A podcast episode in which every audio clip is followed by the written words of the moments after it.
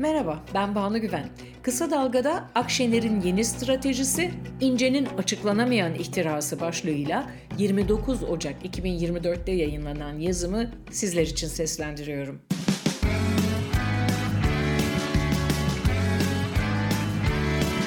Kulağınız bizde olsun. Kısa Dalga Podcast.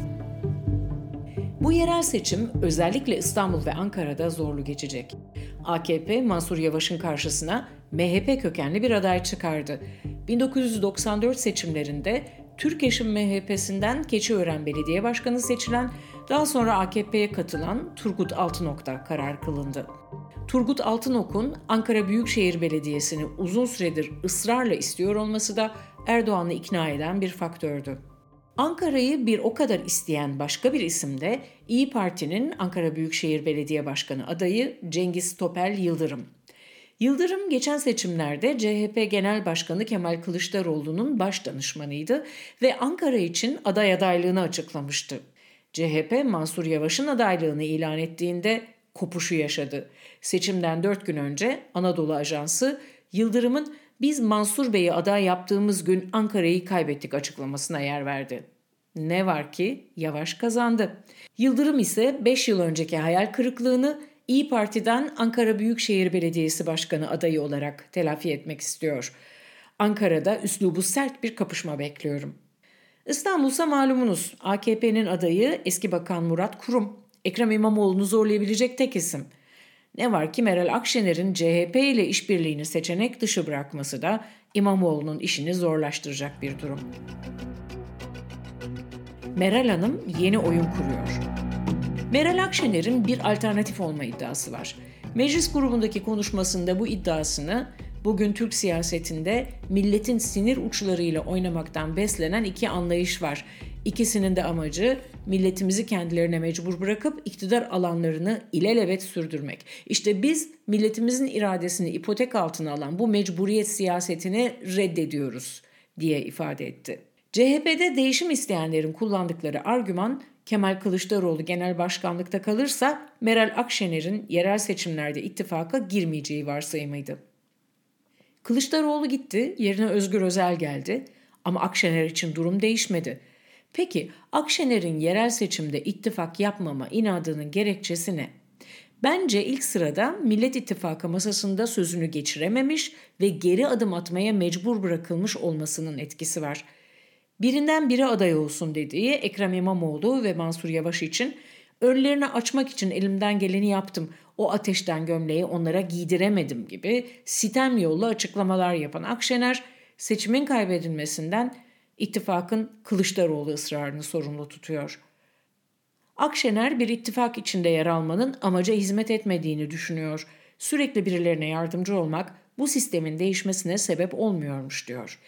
Akşener partisinin yerel seçimlerde CHP ile işbirliğine gitmeme kararını Cumhurbaşkanlığı seçiminde ortaya çıkan 50 artı bir mecburiyeti yerel seçimlerde yok diyerek de gerekçelendirmeye çalışıyor ama şunu gayet iyi biliyor. İyi Parti'nin adaylarının alacağı her bir oy başta İmamoğlu ve Yavaş olmak üzere muhalefetin adaylarına seçimi kaybettirebilir.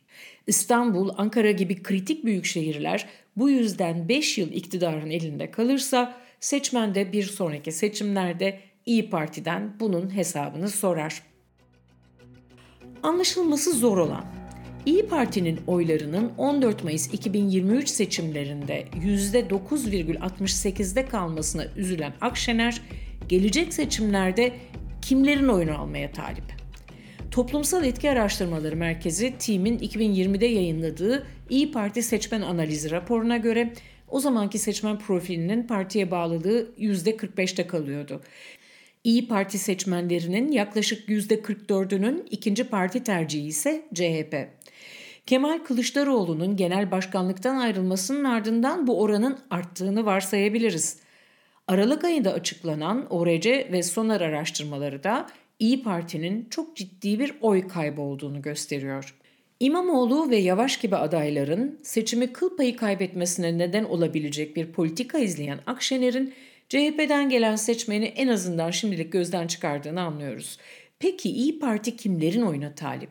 Akşener'in son dönemlerde yaptığı açıklamalar ulaşılmak istenen kesimin MHP küskünleri, AKP yorgunları olduğunu anlatıyor.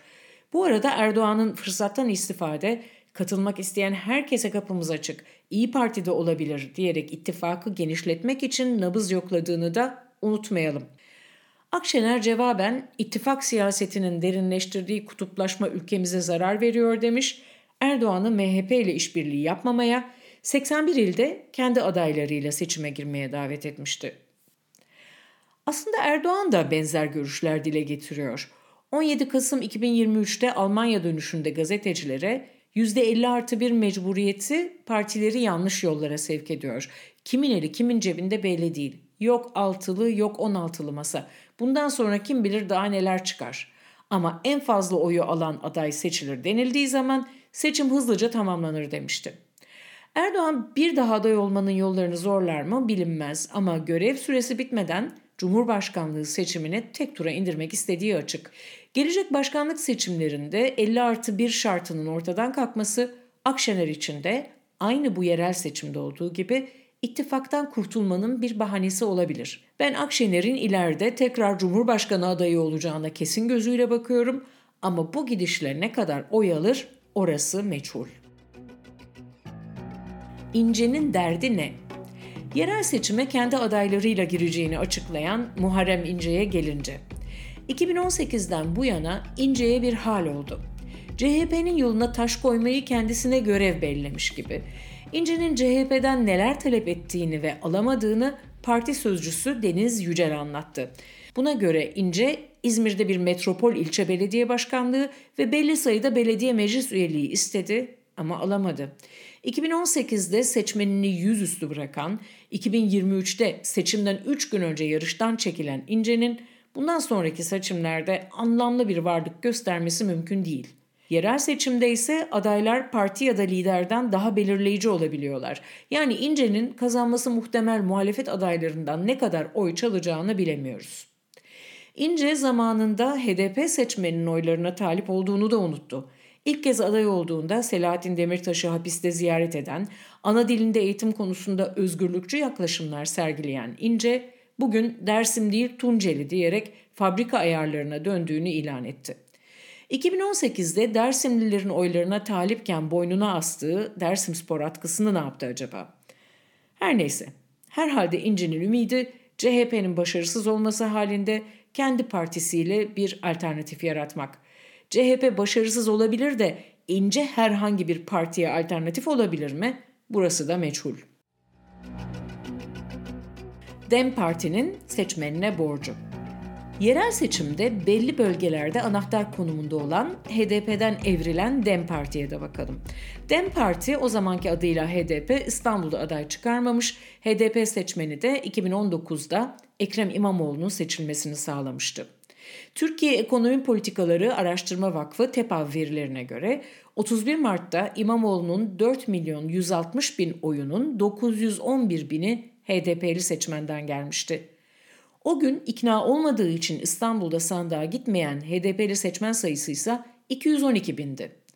Seçim tekrarlandığında araya bir Öcalan mektubu sokulmuş da olsa seçmen yine İmamoğlu'nu seçti.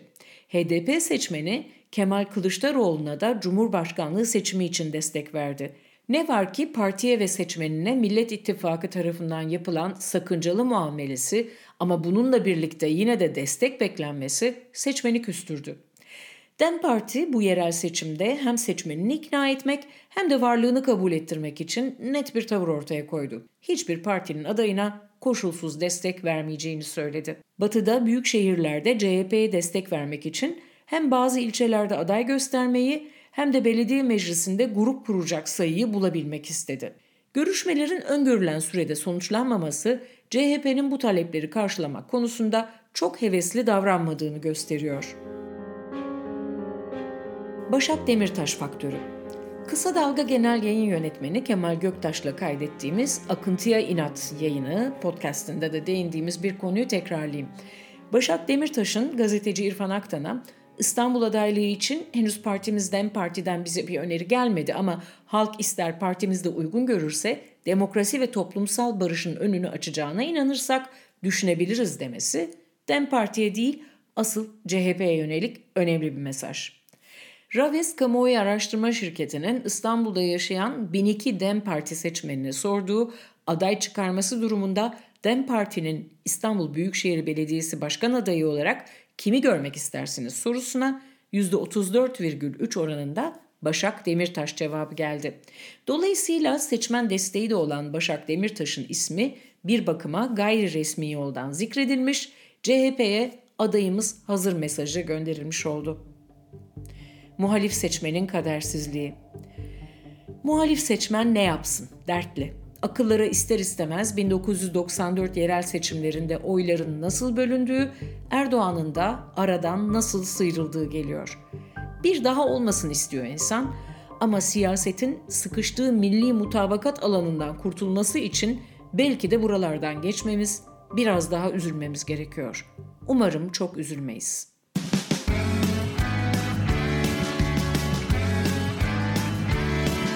Kulağınız bizde olsun. Kısa Dalga Podcast.